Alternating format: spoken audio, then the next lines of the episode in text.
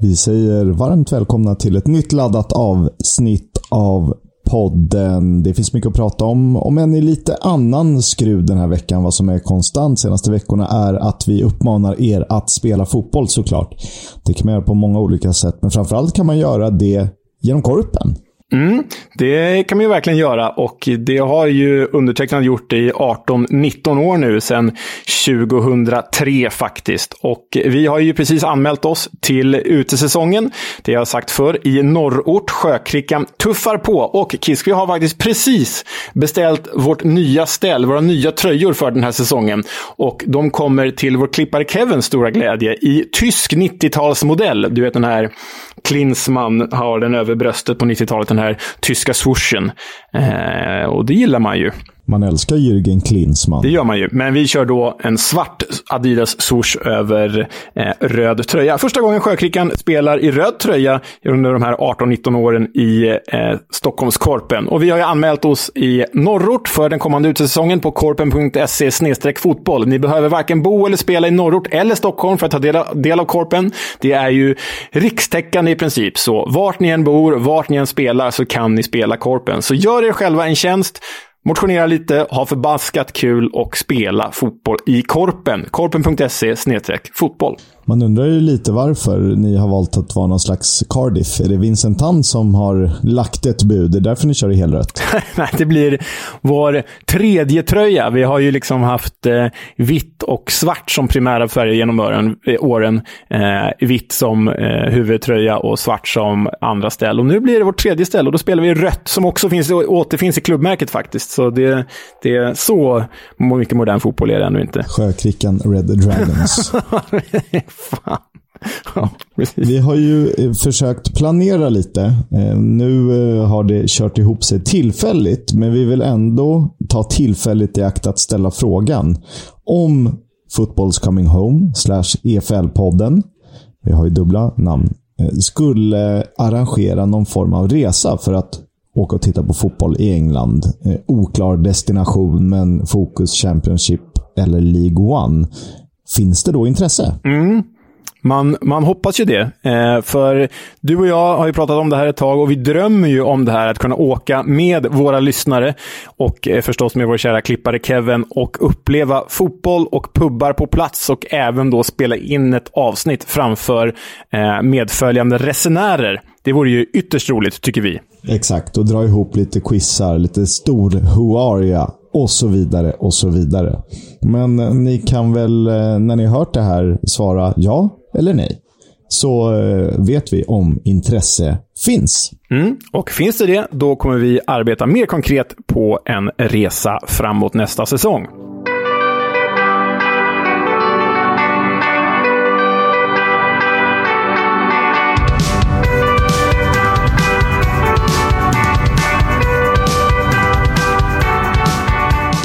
Du lyssnar på Footballs Coming Home, en podcast om Championship, League One och League 2 och ibland även ett landslagsuppehåll.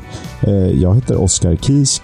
Med mig har jag såklart Leonard Jägersköld Velander, musan till din ciceron, eller vad man säger. Poddens ryggrad. Nej, poddens knäckta stortå. det får stå för dig. Vi, vi börjar i rask takt. Det har ju spelats eh, League 1 och League 2-fotboll, men för protokollet så river vi av landslagsuppehållet. Och jag tänker att du kan börja med England. Ja, men vi siktar in oss på de brittiska öarna och Irland. Eh, de brittiska nationerna och Irland. Och eh, eftersom att det ändå är liksom våra landslag. Men vi gör det lite kort och vi hellre fokuserar på League 1 och League 2 när Championship inte spelas. Men England, de är ju sedan tidigare kvalificerat för VM, som eh, de flesta av er vet. Därmed träningsspelade de nu i dagarna som har varit. De slog Schweiz med 2-1 genom eh, Luke Shaw och Harry Kane.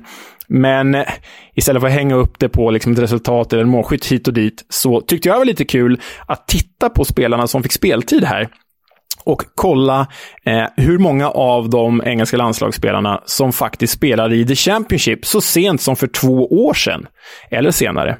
Och du, det är en del.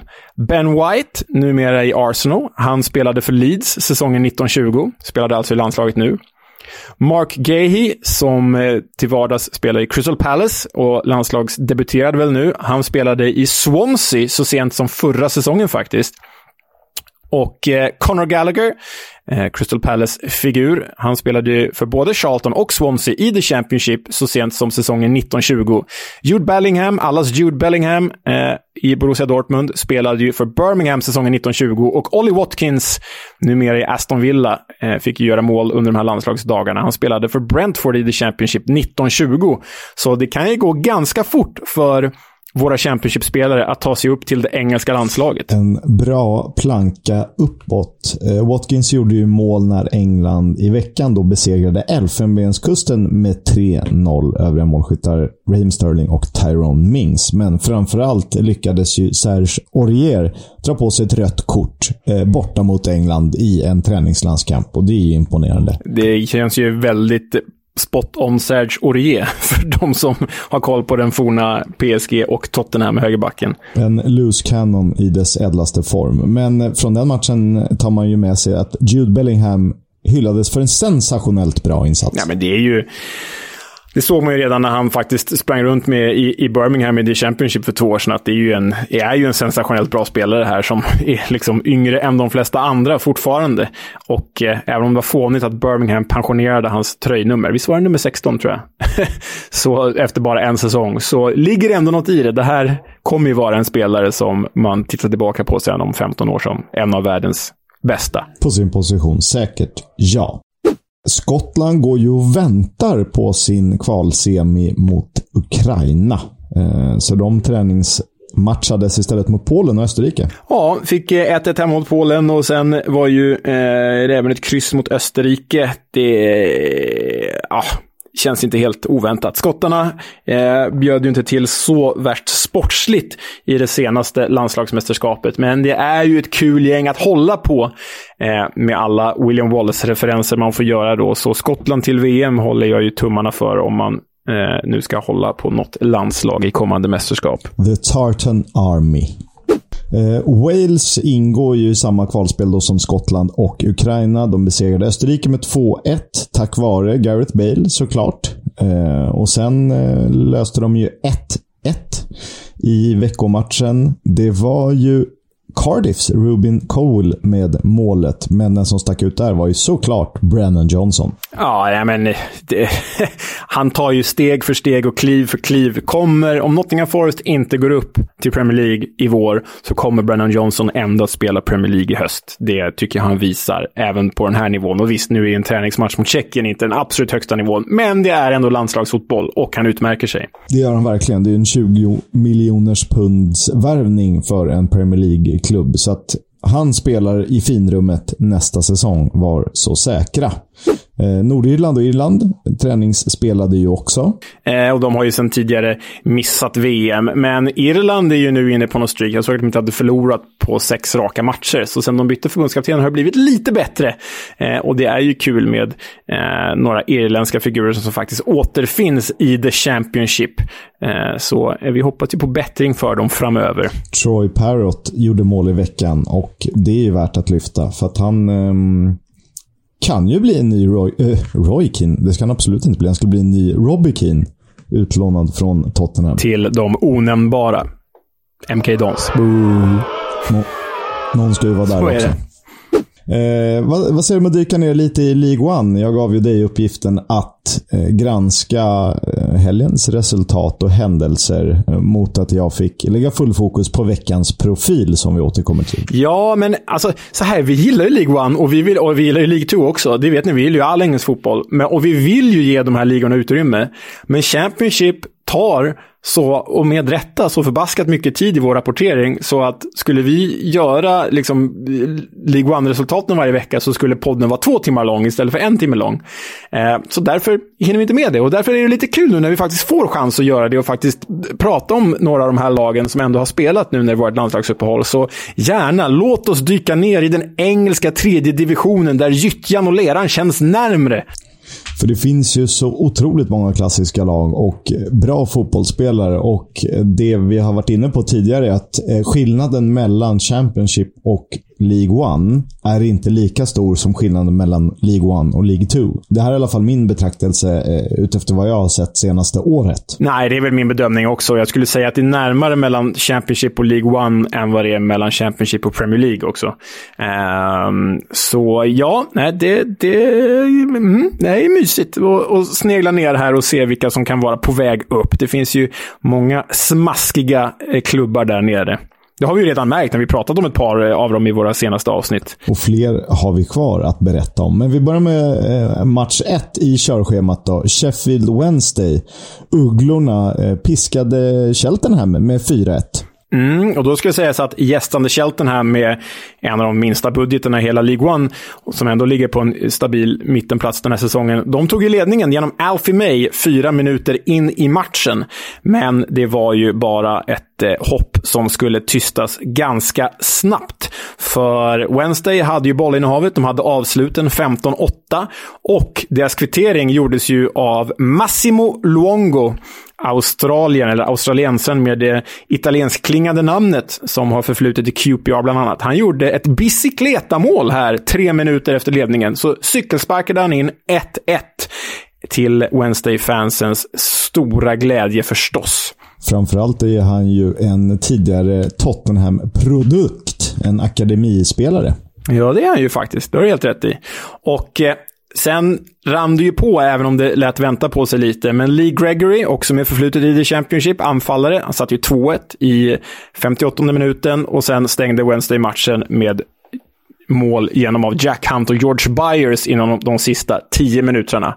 Och planenlig seger för Wednesday förstås, men det ska ju sägas att Wednesday ska ju vinna den här matchen, för deras trupp är ju ja, men till hälften en Championship-trupp i alla fall. Det är det ju verkligen. Bailey Peacock Farrell, Harley Dean, Sean Hutchinson, Massimo Longo som vi nämnde. Framför allt vill man ju ändå fastna vid Barry Bannon. Mm, den gamla Aston Villa-produkten som blivit en mainstay här i Wednesday. Han kom ju fram faktiskt i Premier League för Aston Villa. Liten mittfältskreatör. Eh, var inblandad i målen här också förstås. Han har ju blivit någon superikon för eh, Wednesday. Men de har även League Regger då som vi nämnt och Dominic Jorfa. Det här är ju spelare som spelat hundratals matcher i The Championship. Eller till och med vissa av dem har känt på Premier League också. Så Wednesday har ju en väldigt stark trupp på pappret för League One. Visst är man lite Wednesday i Sheffield? Lite, gud ja. Det finns inget att snacka om där. Gud ja, det är bara Jonas Dahlqvist som är förvillad och håller på Blades. Absolut Wednesday. I övrigt en trevlig prick Jonas Dahlqvist, ska tilläggas. Ja, jo, verkligen. Men du, det här var en viktig seger för Wednesday. De klev ju upp på sista playoffplatsen och petade därmed ner trumvirvel Sunderland. Ja du, Sunderland. Men eh, roligt för Sheffield Wednesday såklart. Eh, klassiskt. Det är ju eh, liksom om vi pratar tips extra minnen där. Ja, men det är en gammal svensk klubb också. Eh, det finns ju mycket fint där med Rolle och Niklas Alexandersson och så. Så eh, ja, eh, även Ola Tidman, för er som kommer ihåg den gamla reservmålvakten. Ja, nej, Wednesday eh, skulle vi ju inte bli ledsna för om de gick upp i The Championship till nästa säsong. Så är det. Det skulle vi absolut inte bli. Då får vi ju, får vi ju anledning att kalla tillbaka Bojan till podden. Han har ju också spelat i Sheffield Wednesday när de sponsrades av klubbföretaget Chupa Chups, vill jag minnas. ja, det är sant. Chupa Chups. Det är vår generation upp, uppväxt med. Ja, det var det man fick på semestern. Man fick en Chupa Chups. Verkligen. På så här, något sand, sandig restaurang på italiensk mm, så här, eh, kommersplaya någonstans. Kanske till och med Gran Canaria. Ja, mer så faktiskt. mer så faktiskt. 90-talet var ju Playa del Ingles. Ja, verkligen. Det hade kunnat vara ett svensk möte när Accrington Stanley tog emot, alltså Who are they? Accrington Stanley tog emot eh, Gillingham, men Joel Mombongo är ju sedan tidigare långtidsskadad och Pontus Dahlberg började på bänken. Eller han, spelade, han, eh, han satt fast på bänken för Gillingham, som ändå vann. Ja, och eh, det är ju trist för, för Mombongo, men det är konstaterat sedan länge. Det vet vi ju, Burnley-lånet. Och han gästade ju faktiskt eh, eh, ett av våra avsnitt i höstas. Värt att lyssna på så här i efterhand. Och Pontus Dahlberg, fast förankrad på Gills-bänken. Det är ju deppigt alltså. Det är faktiskt väldigt deppigt. Desto roligare för Gills att de vann. De trotsade ju oddsen genom denna bortaseger. Accrington är ju, trots minst budget i hela serien, eh, ett stabilt mittenlag i år. Eh, medan Gillingham kämpar för sin överlevnad. Stanley dominerade den här matchen. Man hade 21-10 i avslut. Men det var ju då som sagt Gillingham som tog ledningen eh, eh, i den andra halvleken genom Charlie Kellman för att sen fylla på genom Verdane Oliver. Eh, och sen putsade då Colby Bishop på siffrorna med, på en, genom en straff i 91 minuten för Stanley. Det var ju missräkning för Stanley förstås, men väldigt viktigt för Gills i bottenstriden, Kisk. Det var det verkligen, för de eh, har ju nu eh, lite eh, luft ner. De har ju fyra poäng. Och det är ju alltid skönt. Dock med en match mer gentemot Wimbledon som ligger precis under strecket. Ja, och då ska vi tänka på att här i League One är det ju inte tre lag som degraderas. Det är fyra lag som degraderas. Fyra lag åker ut. Ehm, så det är ju tufft där nere, minst sagt. Men viktig seger för Gills. Och jag har en spaning som jag undrar om vi kan få svar på på våra sociala medier. Eller kanske du till och med har svaret. Men jag ska inte säga att många, det handlar inte om tusentals personer, men ändå relativt många svenskar finns det som håller på både Gillingham och Grimsby. Och det här är ju i sammanhanget väldigt små klubbar. Ju. Visst, Grimsby har varit uppe i the Championship och, och, och Gillingham håller ju till på den här nivån. Så de förekommer ju på tipskuponger och har säkert setts på tv på 90-talet och så. Men All heder till dessa supportrar, men varför finns det inom citationstecken så många svenskar som håller på Gills och Grimsby? Det skulle jag vilja veta. Det är ju en eh, eh rimlig fråga, för den, den enda svenskkopplingen när det kommer till eh, Grimsby, det var ju Moses Ogbo och eh, Sebastian Ring som var där eh, på lån. De var väl i League 2 då, till och med. Um, Spelade inte Martin Pringle i Grimsby ett litet tag på lån, typ? Har jag för mig. Det kanske han gjorde. Det jag har för mig att han kanske gjorde det faktiskt. Ja, det är en bra gäst faktiskt. Borde vi ha någon gång. Den, an, den enda referensen jag har till Gillingham är att jag var på väg dit, eh, men valde istället att åka och se Luton Peterborough. Eh, vilket jag delvis är väldigt glad för. För att eh, det finaste med Priestfield Stadium där ute i Kent i, i östra England är ju eh, helikopterfotona på arenan. Mm, just det. När man ser inloppet i horisonten. Mm, ja, det är mysigt. Det kanske man ska ta sig någon gång ändå. Kanske därför folk håller på The Gills, helikopterfotona. ja, det ligger typ ja, en timmes tågresa öster om London, så det är rätt smidigt om man ändå är i storstan. Verkligen. Doncaster mot Charlton hade också kunnat vara ett eh, svensk möte eftersom eh, Nej, det hade det inte kunnat vara. Men vi har haft en del svenska kopplingar i Charlton och Pontus Dahlberg var ju utlånad till Doncaster innan det blev Gillingham. Han bytte ju faktiskt från eh, 24 till 23 platsen i ligan där och då. Det tyckte jag var lite roligt. Ja, ja det gäller att byta upp sig. Ett bekant namn, Jaden Stockley, blev matchvinnare för Charlton som vann med 1-0. Ja, och eh, Charlton körde därmed fast Donny i botten av serien. De ligger ju näst sist, har en match mer spelad. Och eh, Doncaster har nu faktiskt inte vunnit på fem matcher och inte gjort mål på fyra av dem. Det är ju väldigt dåligt i en eh, klämtande bottenstrid. Och då undrar säkert några av våra lyssnare var Charlton befinner sig någonstans. Ja, till vardags på The Valley förstås, men i tabellen ingenmansland. Eh, dock har de ryckt upp sig lite, lite. Gamla eh, Tottenham-profil var Johnny Jackson, är han inte det? Det är han, 100 procent. Ja, han har ju tränat Charlton med blandat resultat. Eh, hans Charlton han till och med att bränna en straff och missa ett öppet mål efter en målvaktsgroda i den här matchen. En målvaktsgroda som till och med hade fått Pontus Dahlberg att eh, eh, ja, se ännu mer förskräckt ut. Eh, nej, det här var ju Charltons match och de borde nog ha vunnit mer. Till ett klassiker slash toppmöte eh, när Ipswich Town fick de tre poängen hemma mot Plymouth Argyle. Ja, och det här var ju ett, ett toppmöte, i alla fall om man liksom bänder lite på, på det uttrycket. För det var ju två av seriens mest formstarka lag, eh, vilket innebar att matchen betydde väldigt mycket för respektive. För hemmalaget Ipswich så handlade det om att få häng på playoffplatserna. Och för Plymouth så handlade det om en möjlighet om att eh, få häng på direktplatsen upp till the Championship. Eh, och således var det här kanske en säsongsavgörande trepoängare för Ipswich ändå. Ja, eh, de har bara förlorat två matcher sedan Kieran McKenna tog över tränaruppdraget i mitten av december. Då har de två förluster på 18 matcher. Det är ju ett fint facit. Ja, alltså det, det såg ju väldigt mörkt ut för The Tractor Boys när Kieran McKenna tog över. Han kom väl från Manchester Uniteds ungdomslag, tror jag, eh, när han tog över i, i höstas eh, eller vintras då, så låg de ju på undre halvan och nu då som du säger eh, bara förlorat två på 18 senaste. Och nu har de ju verkligen, verkligen häng på playoffplatserna i Ipswich och är ju typ seriens mest formstarka lag. Så det kan kanske sluta lyckligt på Portman Road den här säsongen. Det hoppas vi ändå. Man har, man har något gott öga till Ipswich.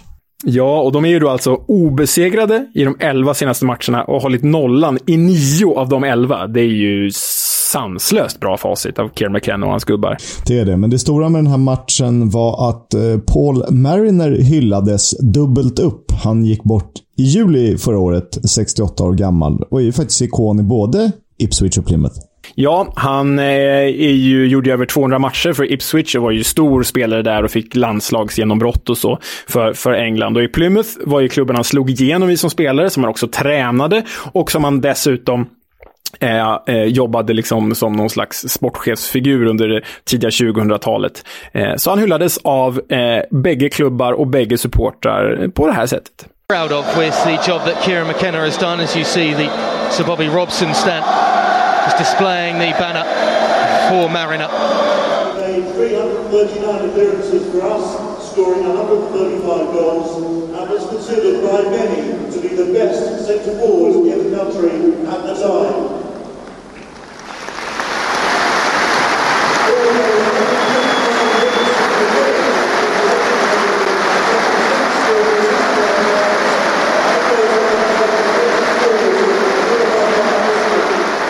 Gott så. Vi kommer återkomma till ännu fler hyllningar till eh, tyvärr bortgångna personer. Eh, det riktiga Wimbledon, AFC, jag hade en, eh, en tuff helg. Ja, de tog emot eh, Wes Hoolahans Cambridge. Wes Hoolahan, Irlands Messi. Eh, och eh, Wimbledon förlorade den här matchen då, 0-1 hemma mot Cambridge. Det är ju inte starka papper. Richard Mannis gamla Cambridge, om ni kommer ihåg AIK-tränaren. Han tränade ju Cambridge efter eh, tiden i AIK. Jag kommer ihåg att när du och jag jobbade på Viasat så åkte Claes Andersson, reporter, programledare, kommentator. Han åkte faktiskt till Cambridge och träffade Richard Money i ett reportage som jag var med och klippte. Det var lite roligt så här tio år senare. Claes Andersson som alltid får kommentera fredagsmatcherna, vilket man tycker är superhärligt. Ja, ja, vi hejar på klasse. En skicklig kommentator och en väldigt trevlig människa. Vi hejar på klasse. Men eh, jag tror inte han kommenterade denna fight. Eh, Wimbledon förlorade alltså 0-1 hemma mot Cambridge. Adam May gjorde matchens enda mål och det här betyder ju att The Wombles fortsätter att vara sorgligt usla. Nedflyttning från League One ser inte otroligt ut och det här är ju väldigt trist timing då klubben äntligen KISK, de spelar ju äntligen på sin egna plow lane, Den är ju färdigbyggd och invigd. Och så ska de ramla ur. Och så ska MK Dons kanske gå upp. Det är ju fan värsta möjliga scenario för Wimbledon. Ja, det, det hoppas vi verkligen inte. Men det, har ju gått ett tag sedan de senaste vann en match och du har gjort en fin, fin lista över vad som har hänt sedan dess. Ja, alltså senaste gången de vann en match, det var i början av december. Eh, de har spelat 21 ligamatcher sedan dess utan att ta en trepoängare. Sedan dess har följande saker alltså skett. Vi har firat julafton. Vi har firat nyårsafton. Eh, Djokovic har deporterats från Australien. Covid-restriktionerna har hävts. Vinter-OS har spelats. Ryssland har invaderat Ukraina och Will Smith har klappat till Chris Rock. Allt det har hunnit hända sedan Wimbledon vann sin eh, senaste ligamatch. Det är ju, eh, det är ju sjukt. Sjukt är det. Ja, det, det, det är ju synd för man, fan, man, man gillar ju Wimbledon. Man vill ju att de ska vara kvar där uppe och gärna klättra ännu högre. Läget ser tufft ut för dem. Eh, vi önskar tre poäng till Wimbledon. Vi vill prata mer om Wimbledon, såklart. Ja, och det får vi säkert anledning att göra. Men du, bottenstriden i League One är ju faktiskt jäkligt spännande, då inget av botten fem-lagen har vunnit på de fem senaste matcherna. Och totalt har de skapat, skrapat ihop ynka fyra kryss på sina gemensamma 25 senaste matcher. Det är ju sanslöst, för det brukar ju nästan, nästan alltid vara så att lagen precis kring strecket lyckas göra en uppryckning vid den här tiden, kanske till och med något senare.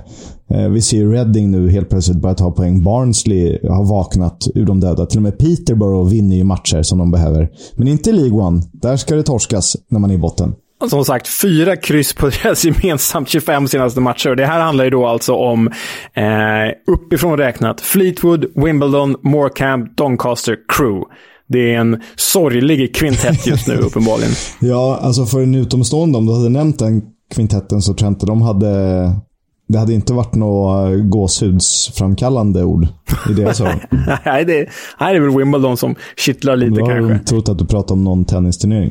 Ja, jo, absolut. Så är det.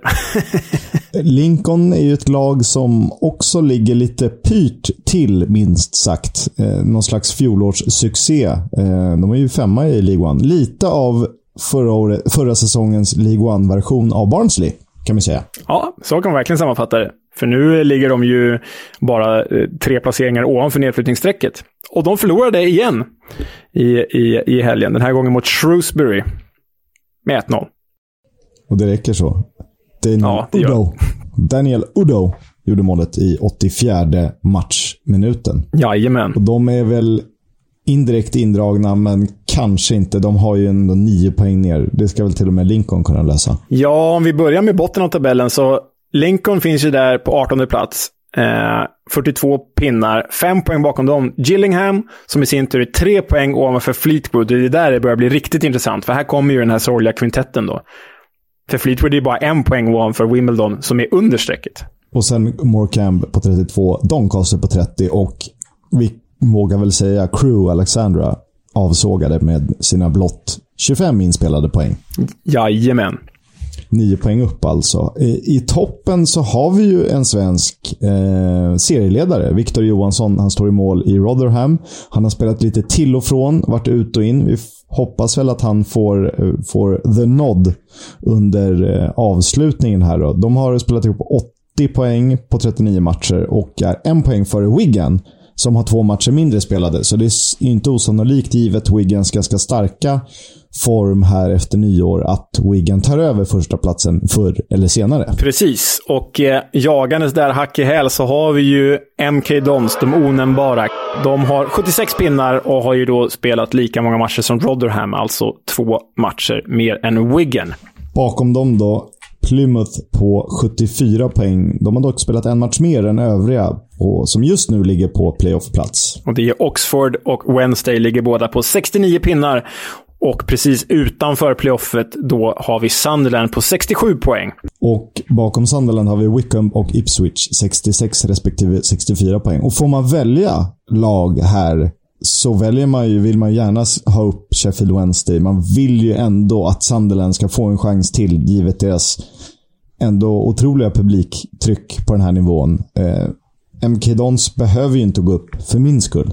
Eh, Plymouth... Nej, alltså det enda bra om MK Dons går upp är att vi kan hata dem tillsammans. Det, det är bra. Men nu låter du hård, för det finns säkert något fint med MK Dons också. Det ska vi ta reda på förr eller senare. Eh, men Plymouth, Wednesday, Sunderland, Ipswich hade man gärna velat ha upp på playoffplatsen i alla fall. Plymouth, Wednesday, Sunderland, Ipswich. Ja, om jag får välja helt fritt så det är ju tråkigt att välja favoriterna, men jag gör det ändå, för man har ju en sån stark relation till både eh, Wednesday och Sunderland. Så jag håller med dig om Wednesday och Sunderland. Sen blev jag ju lite förälskad i Plymouth som du är inne på, men jag tänker för vår kompis skull och för vår egna skull om man spelar kvar nästa säsong så är det ju kul med Victor Johansson i The Championship. Så jag skickar gärna upp Rotherham av den anledningen. Så är det eh, såklart. Eh, det var en annan grej jag tänkte på som jag höll på att glömma bort. Och nu hör jag helt glömt bort det. Vad rörigt det blir ibland.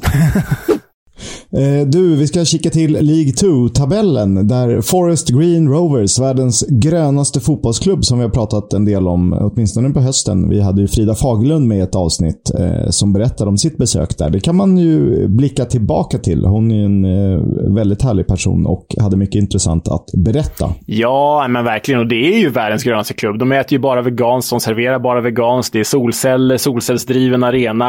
Äh, det, det, det är ju ett, en föredömlig klubb på så sätt. Sen är det ju problematiskt, tycker många, i, i, i, ehm, i seriesystemet för att de har ju lassat in så enormt mycket pengar så att de, en ganska liten klubb i sammanhanget, liksom kliver upp i, i serierna och eh, ändrar på hierarkin. Men så är det ju med den här typen av ägarsystem. Är man öppen för en Abramovic i Premier League, då är man öppen för den här typen av ägande nere i divisionerna också. Och då är det ändå härligare med en klubb som faktiskt gör något slags vettigt statement än som bara är en chimär för eh, till exempel rysk eller saudisk storpolitik. Exakt. Eh, och som vi var inne på att fyra lag åker ur League 1, vilket ju då betyder att fyra lag går upp från League 2. Och topp tre alltså Forest Green Rovers etta, sen har vi Exeter och Northampton två respektive trea. Sen har vi fyra lag, alla på 63 poäng. Mm, de ligger på playoffplatserna just nu. Det är alltså Port Vale, Newport, Bristol Rovers och Tranmere. Mitt fina Newport. Ja, det är mitt lag i Wales. Det är det det är det ju. Jag håller ju tumme för eh, Liverpool-laget Tranmere här. De har ju massivt publikstöd för den här nivån. De drar ju alltid liksom 10-15 tusen, så de får gärna kliva upp. Det är ju en publikmaskin som förtjänar mer. Och där utanför har vi bland andra Manchester United-kopplade Salford och sen på nionde plats har vi Swindon. Sweden? Ja, ja. det finns eh, eh, några bra namn här också. Och eh, det är väl rätt tydligt att Force Green Rovers kommer gå upp och så får vi se vilka av de andra som gör dem sällskap. Det ser ut som att eh, Leo får gråta sig till söms i sommar eh, när Fulham tappar en av stjärnorna på mitten. Ja, Fabio Carvalho, denna, detta underbarn som bara fått en dryg säsong på sig i Fulham, har ju varit fenomenalt bra. En av Fulhams bättre spelare. Kanske inte topp tre, men ändå kanske topp fem spelare den här säsongen ändå.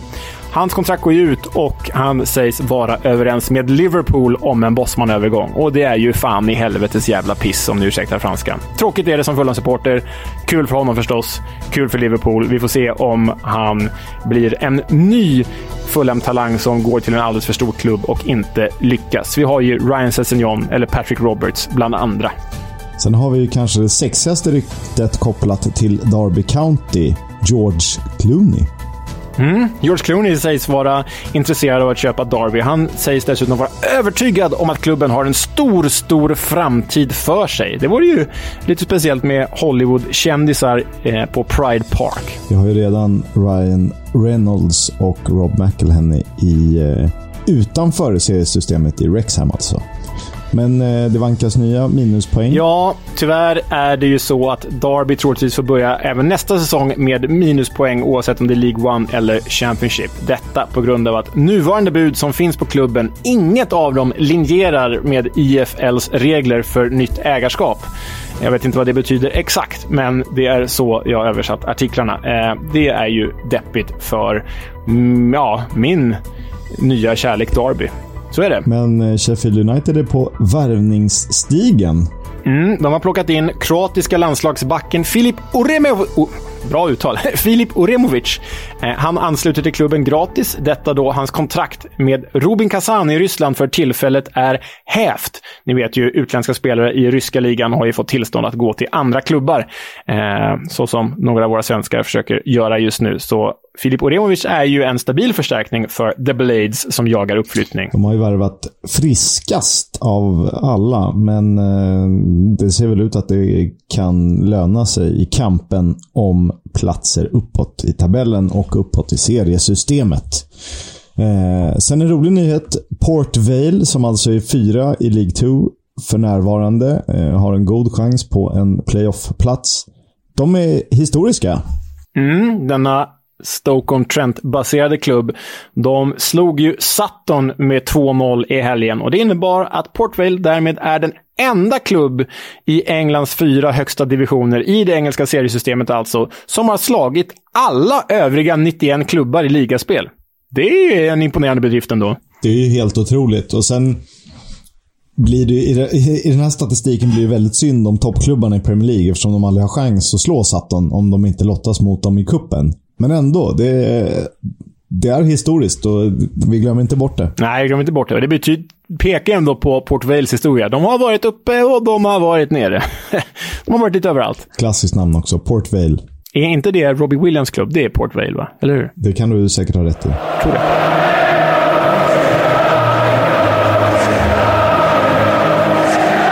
Footballs Coming Home sponsras av Stryktipset. Ett spel från Svenska Spel, Sport och Casino. För dig över 18 år. Stödlinjen.se.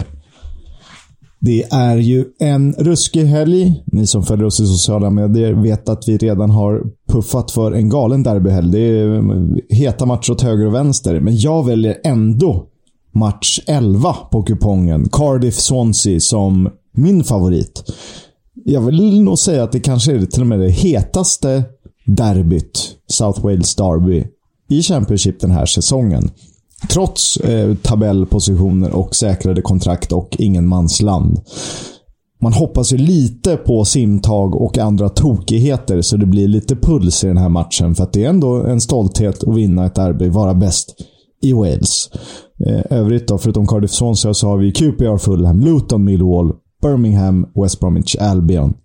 Leo, vad, vad kittlar dig mest? Nej, men det är, ju, det är ju sanslöst roligt. Man undrar om det är planerat att alla de här derbyna ska vara samtidigt. För jag menar, Cardiff Swansea, som du säger, det är kanske Storbritanniens hetaste derby, om vi liksom räknar bort eh, Celtic och Rangers då. Um, så det är en massiv jäkla pjäs. Och som dessutom är, jag menar, den här säsongen, ingen av dem kommer nå playoff, ingen av dem kommer åka ur. Det här är ju det som definierar säsongen för dem. Det kommer ett jäkla ös på, på The Millennium Stadium i Cardiff. Spelar på Millennium Stadium i Cardiff. De spelar på Cardiff City Stadium. Cardiff City Stadium, exakt. Varför sa jag Millennium Stadium? ja, Cardiff City Stadium, exakt. Så det kommer ett jäkla ös där. Och sen eh, QPR Fulham, jag menar, det är ju faktiskt bland de värsta av antagonister. Eh, därtill så är den ju tabellmässigt extremt viktig, framförallt för QPR. Luton Millwall, ja, ökända fans. Och så Birmingham West Brom, ja, det är också ökända fans. Men du har ju dragit alla de där derby matcherna. Så jag vill slå ett slag för fredagsmatchen. Alltid kul med fredagsmatch. Yay! Hull mot Huddersfield. Eh, den hoppas vi smakar. Men den givna karamellen för undertecknad, det är ju dock lördag 16.00. Barnsley mot Reading. Kniven mot strupen för bägge. Gud vad kul! Given sexpoängsmatch. Definitionen av det dessutom. Verkligen. Men du, det om det. Nu ska du ge oss det vi har väntat på. Historien om den gode Peter Whittingham.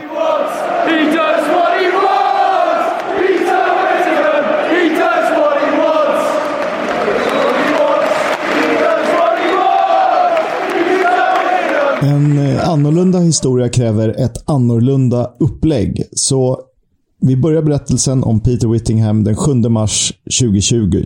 Ett par dagar innan WHO klassar covid-19 som en pandemi. Och egentligen där allt slutade. Peter Whittingham befinner sig på Park Hotel Pub i den vackert belägna kuststaden Barry som ligger strax sydväst om Cardiff.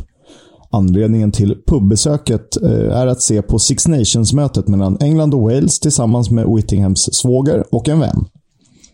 Enligt Amanda, Peters fru, hade Whittingham lämnat hemmet vid tretiden med bara en enkel frukost i magen. Han var ju stressad till matchen. Och enligt svågen Robert blev det ett gäng pints och ett par tequila. Och framåt kvällen ska minnesluckor ha uppstått. I would say that we were all drunk by the night. I really cannot remember anything much of what happened. Sa svågen i efterhand. Ingen i sällskapet hade några minnen av det fall som CCTV-kameror plockade upp. Rätt berusad och mitt i ett skojbråk ramlar Peter Whittingham genom en branddörr. Ingen av dryckeskamraterna har, dryckeskamraterna har alltså något minne av själva fallet, men kommer ihåg när de skulle försöka hjälpa honom upp och efter att ha försökt ge honom ett handtag insåg de allvaret i situationen. Vi backar bandet. Peter Whittingham föddes i Nuneaton i Warwickshire, en dryg mil från Coventry. Och det var just Coventry City han fick sin fotbollsfostran. Men som 16-åring valde Coventry att inte erbjuda honom ett kontrakt, då han var för liten för professionell fotboll. Har vi hört det förr? Lionel Messi. Scouten Ray Gooding, som tyckte att han borde varit kvar i Coventry, ringde då folk i Aston Villa och Whittingham fick sedermera kontrakt med Villa efter ett lyckat provspel. Redan sin första säsong med Aston Villa, 2001-2002, vann Whittingham FA Youth Cup. Debuten i A-laget kom i april 2003 mot ett Champions League-jagande Newcastle där Aston Villa behövde säkra kontraktet. Gareth Barry tvingades kliva av i halvtid och Whittingham ersatte.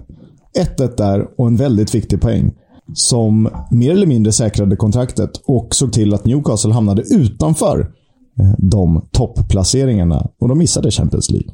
Det blev ytterligare tre framträdanden i säsongens slutskede. Till 03.04 hade Graham Taylor ersatts av David O'Leary, som snabbt sågs, såg Whittinghams potential. Totalt 32 framträdanden när Aston Villa grejade en sjätteplats i ligan. Precis bakom Newcastle.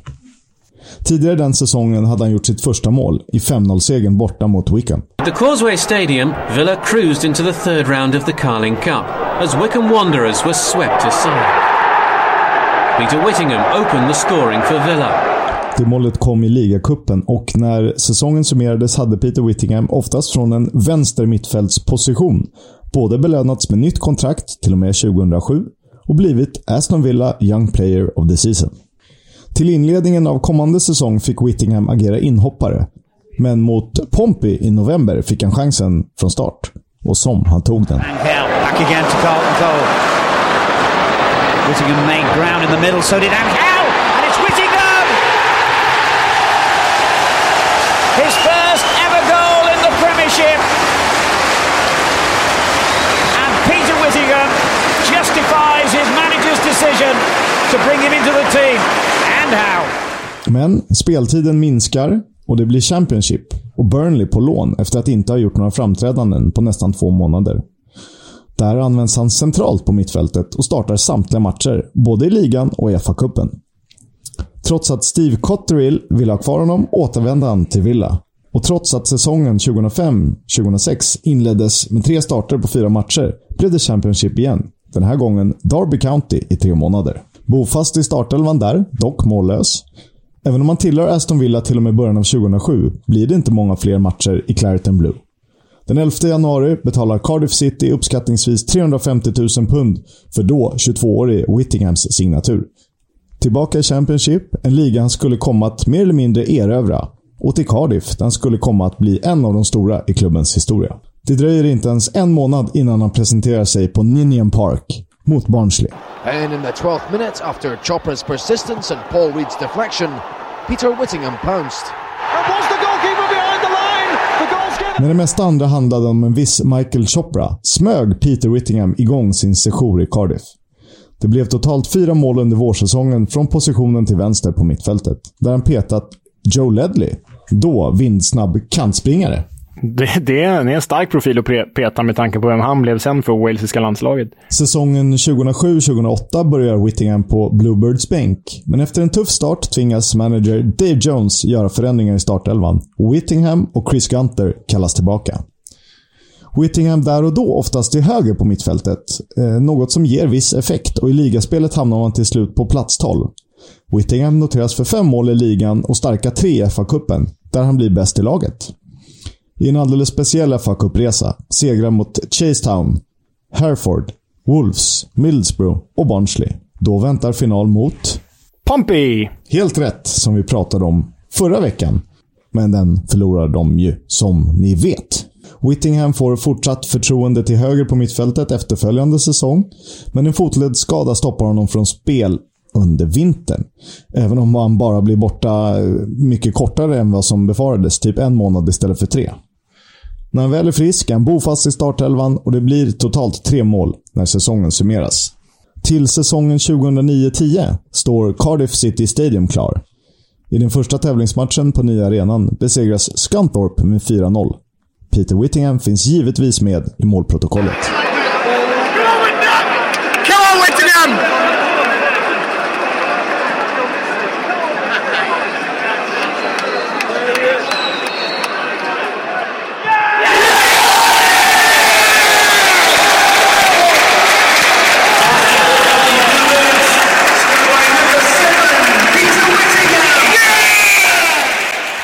Alltså, det ska ju sägas, för er som, inte, för er som bara hör de här klippen, gå in på, på YouTube och kolla på liksom Best of Peter Whittingham. För det är ju en vänsterslägga från helvetet. Det är en sån sabla gudabenådad fot han har. Vi kommer komma mer på hyllningarna till honom, eh, men vi delade ett klipp via EFL-podden på Twitter med typ en och en halv minut highlights. Och det finns klipp som är 8-9 minuter. Men bara gör som Leo säger, kolla. För det är en fantastisk spelare. Men vi ska inte spoila allt. Om Adel Tarapt gjorde en av de bästa enskilda insatser vi sett under säsongen 2010-11 så är Peter Whittingham där och konkurrerar ett år tidigare. Suverän blick för spelet, svår att ta bollen ifrån, kvicka dragningar på små ytor, vackert svepande bollar för att öppna upp. Men framförallt ett tillslag med vänstern som inte är av denna värld. Det är liksom lite Matt Letizier, Fabio Quagliarella, även om eh, Whittingham då kanske krigade in fler bollar. Och han gör ju mål mot i princip alla lag. Mot Sheffield United gör han tre och blir således månadens spelare i oktober 2009.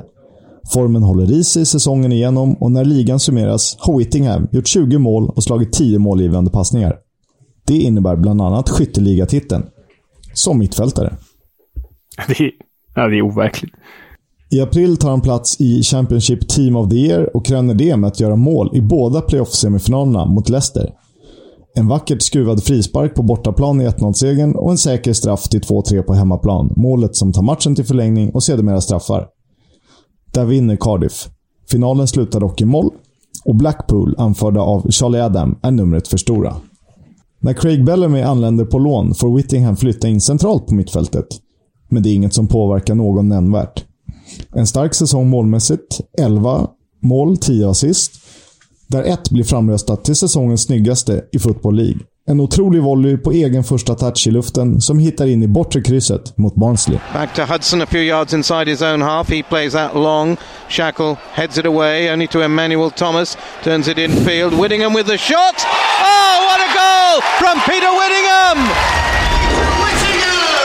Well, it's one of those ones that either go in the top left-hand corner or into the top, into row Z of the uh, Camden stand. Ja, snyggare än så kan man nästan inte göra det. Nej, det är, det är ju fulländat. Det är ju, som sagt, hans fot, det var ju perfektion liksom.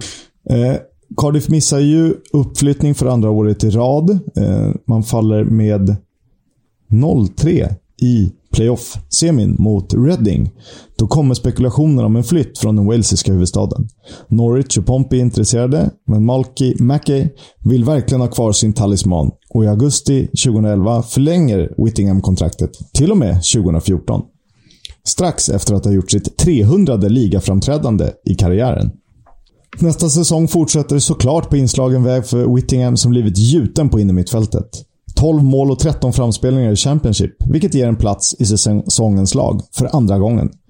Dessutom nominerad till Championship Player of the Year. Men det hade kunnat bli spel i ligakonkurrenten West Ham, som tidigare samma säsong la ett bud på Whittingham värt omkring 3 miljoner pund. Och det tar inte slut där. Han blir framröstad till främsta spelare utanför Premier League när 442 samlar namn. Han, gjorde, han gör sin 250 match i Cardiff. Han sätter hörnor direkt i mål. Han var en vital av det ligacupgäng som tog sig till Wembley. Oxford, Huddersfield, Leicester, Burnley, Blackburn och Crystal Palace avfärdas på vägen.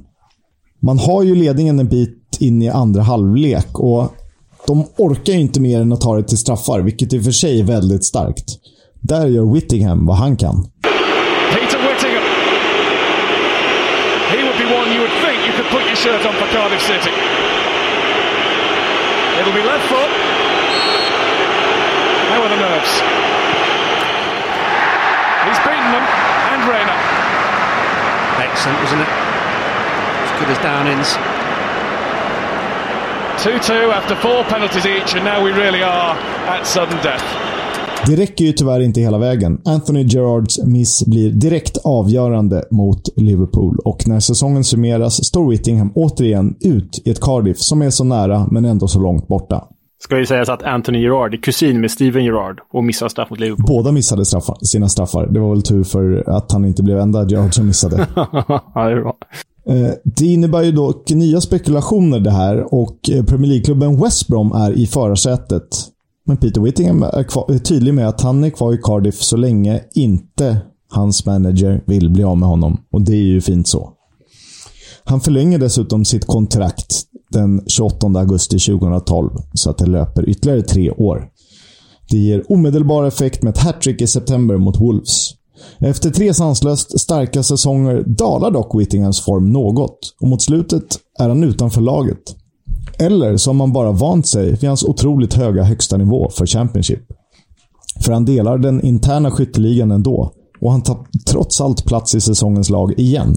Så bra är han. Och Cardiff har ju fler än bara en spelare. Isländska duon Gunnarsson och Helgesson, Fraser Campbell, Craig Bellamy, Rudiger Stede, Matthew Connolly, Craig Noon och såklart David Marshall i mål. Yay! Cardiff vinner till slut Championship med 8 poängs marginal till Hull Och, är efter många, och efter många långa år är Peter Whittingham tillbaka i Premier League. Till tonerna av Bob Marley.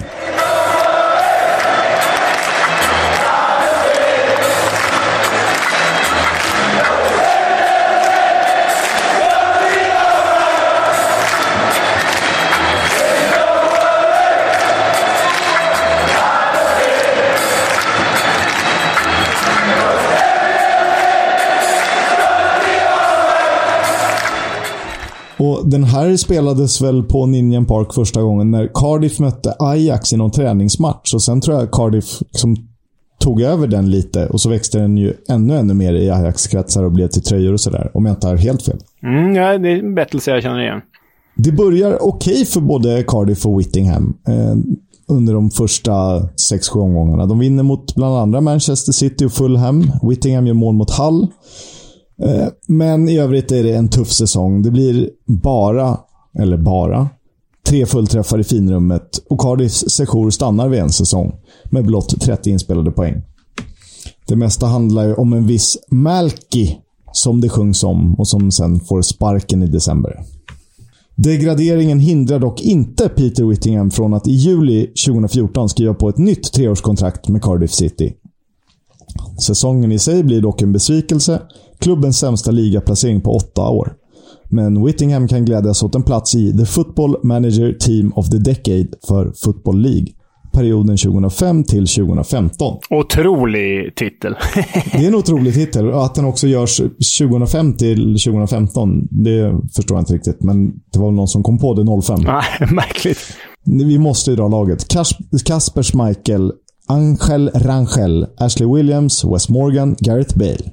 På mitten då, Houlihan, Peter Whittingham, Glenn Murray, Adam Lallana. Och på topp, Ricky Lambert och Jordan Rhodes. Det här är ju ryggraden för podden. Det är verkligen ryggraden för podden. För bra för The Championship, för dåliga för Premier League. Majoriteten av dem. Äh, det är ett mysigt gäng. Då har vi ändå två eh, Premier League-mästare där. Vi har en eh, Champions League-titelvinnare i Bale och så vidare och så vidare. Senare samma sommar tackar Cardiff nej till två bud på Whittingham då han enligt dåvarande managern Russell Slade är lagets ryggrad. Whittinghams säsong är klart godkänd med sex fullträffar, varav två stycken mot Brighton. Den första, en behärskad yttersida. And he slides it forward to Whittingham. Whittingham with the shot! Whittingham scores! 1-0 to Cardiff City! Oh, it's casual magic from Peter Whittingham. Och den andra är en straff i krysset som innebär att han passerar Toshak och Ferguson i listan över mesta målgörare i ligasammanhang för Cardiff. Och bara Robert Earnshaw har gjort fler i modern tid. Och det blir ju ytterligare en säsong i Cardiff City. Med fin målproduktion, även om han under Neil Warnock fick färre minuter. Men det var inga sura miner när Whittingham tackade nej till kontraktsförlängning sommaren 2017, då han blev... Dealen var ju så. Du får stanna kvar en säsong men du kommer få spela mindre. Och han ville fortsätta spela. Så han tackades av i sin sista hemmamatch mot Newcastle. 96 mål på 457 matcher och Bluebirds kugge under 10 års tid. Den mest spektakulära av inte särskilt spektakulära spelare. Han stack ju inte ut, men han var bäst ändå. Han verkade utan att synas, även om hans briljans är för evigt. Han gör ju en sista säsong som aktiv fotbollsspelare med Blackburn i League One. Han är med och tar upp laget, men kommer överens om att bryta kontraktet i förtid. 2018. Jag spelade med Blackburn den säsongen på Football Manager och jag hade Whittingham som kapten, straffskytt, frisparksskytt och hörnläggare. Och trots att han hade uselt fysiska stats så körde jag med honom ändå. Och jag gick också upp ur League One. Men det, det, jag byggde en stark managerrelation till, till uh, Whittingham då. Det var mysigt. Och det var det ju fler som gjorde. Men den här historien är inte särskilt rolig på något sätt. Ni minns ju vad vi berättade om, vad som hände den 7 mars 2020. Och 11 dagar senare meddelas att Peter Whittingham har avlidit av skadorna från fallet på puben. Blott 35 år gammal. Efter sig lämnar han fru och son. Och till det mest tragiska. Parets andra son föds två månader efter dödsfallet. Nej, ah, men fy fan. Åh, fy fan. Det visste jag inte. Åh, fy fan vad mörkt. Ja, det... Oh. det Helvete. Det, det är ju ingen rolig berättelse att researcha. Men det finns ju någonting fint eh, ändå. Eh, och det, det som var det mest tragiska var ju att det var ingen som kunde hylla honom. För han fick ju bara en liten applåd där 2017 istället för en stor grej under pompa och ståt. Och sen kom ju restriktioner och covid-19 och fasen hans moster. Just det, just det, just det. Men i den första matchen tillbaka på Cardiff City Stadium efter att delar av restriktionerna hävts, så de i alla fall kunde spela fotboll på en tom arena, så vinner Cardiff mot Leeds med 2-0. Och Neil Harris tillägnar de två målen till Peter Whittingham. I'm pleased for everybody. I've just paid tribute out there um, to to um, the importance of today and, and, the importance that football plays plays in it. Um, I'm delighted today that we scored two quality goals uh, to pay tribute to Peter Whittingham. The, the, importance of what, what we had to stand on ovation for, but what we had on our shirts, the equality in football, and and the importance that the NHS have, have played in allowing us to be back on that football pitch. It was a privilege to be part of that today. Um, and I'm just pleased that we performed to the best of our ability. David Marshall hyllar honom som sin bästa vän inom fotbollen. Sol Bamba menar att han gjorde lite som han ville på planen. Aaron Ramsey säger att han var stolt över att ha spelat med honom. Och när publiken väl var tillbaka, ja, då hyllades han ändå rätt stort.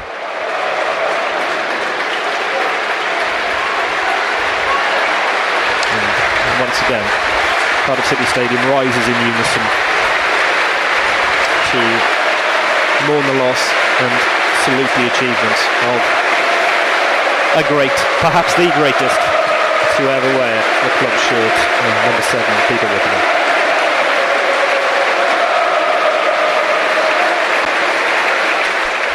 Jag tycker ändå att vi ska vara glada att vi har fått uppleva en spelare som Peter Whittingham. Kanske Champions, Championships bästa spelare genom tiderna med tanke på hur bra han var under ett helt decennium. Definitivt det mest ödmjuka sett till nivån han hade i sig. Och lyssnar man på folk nära Cardiff City så är många tydliga med att Peter Whittingham toppar listan över Bluebirds genom tiderna. Många vill pensionera nummer sju, helt riktigt.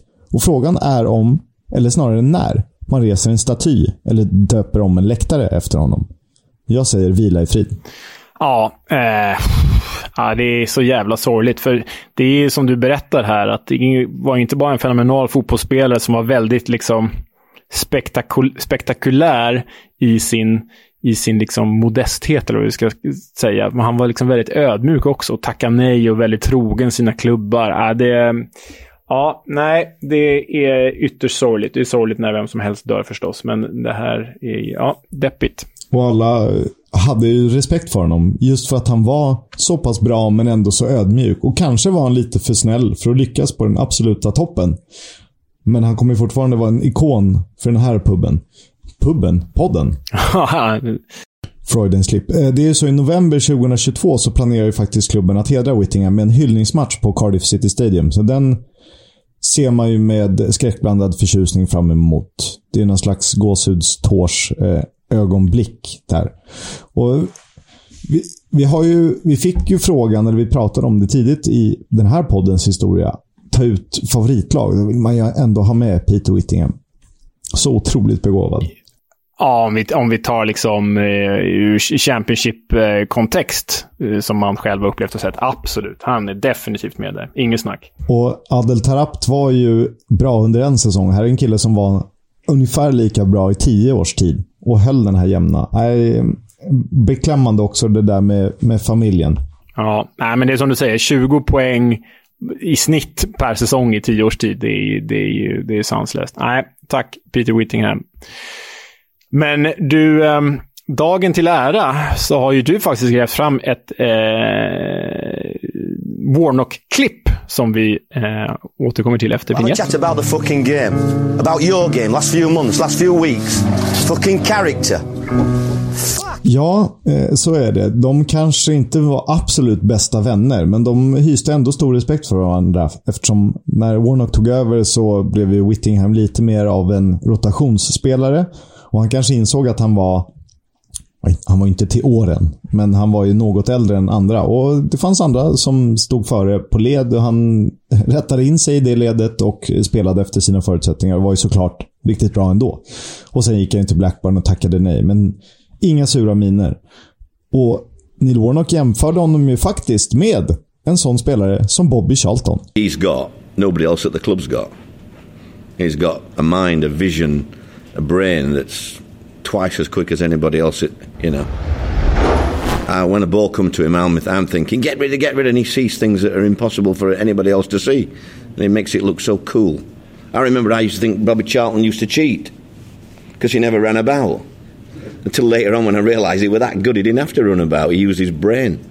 And that's what Peter does. Ja, nej, men det är ju fina ord från den här poddens store man. Eh, det är ju fint att, även om de kanske inte såg den sportsliga storheten i varandra där och då när de jobbade tillsammans, så är det väldigt fint att Neil Warnock kan hylla honom eh, på det här sättet. Det är bara eh, att lyfta på hatten för den gode Whittingham.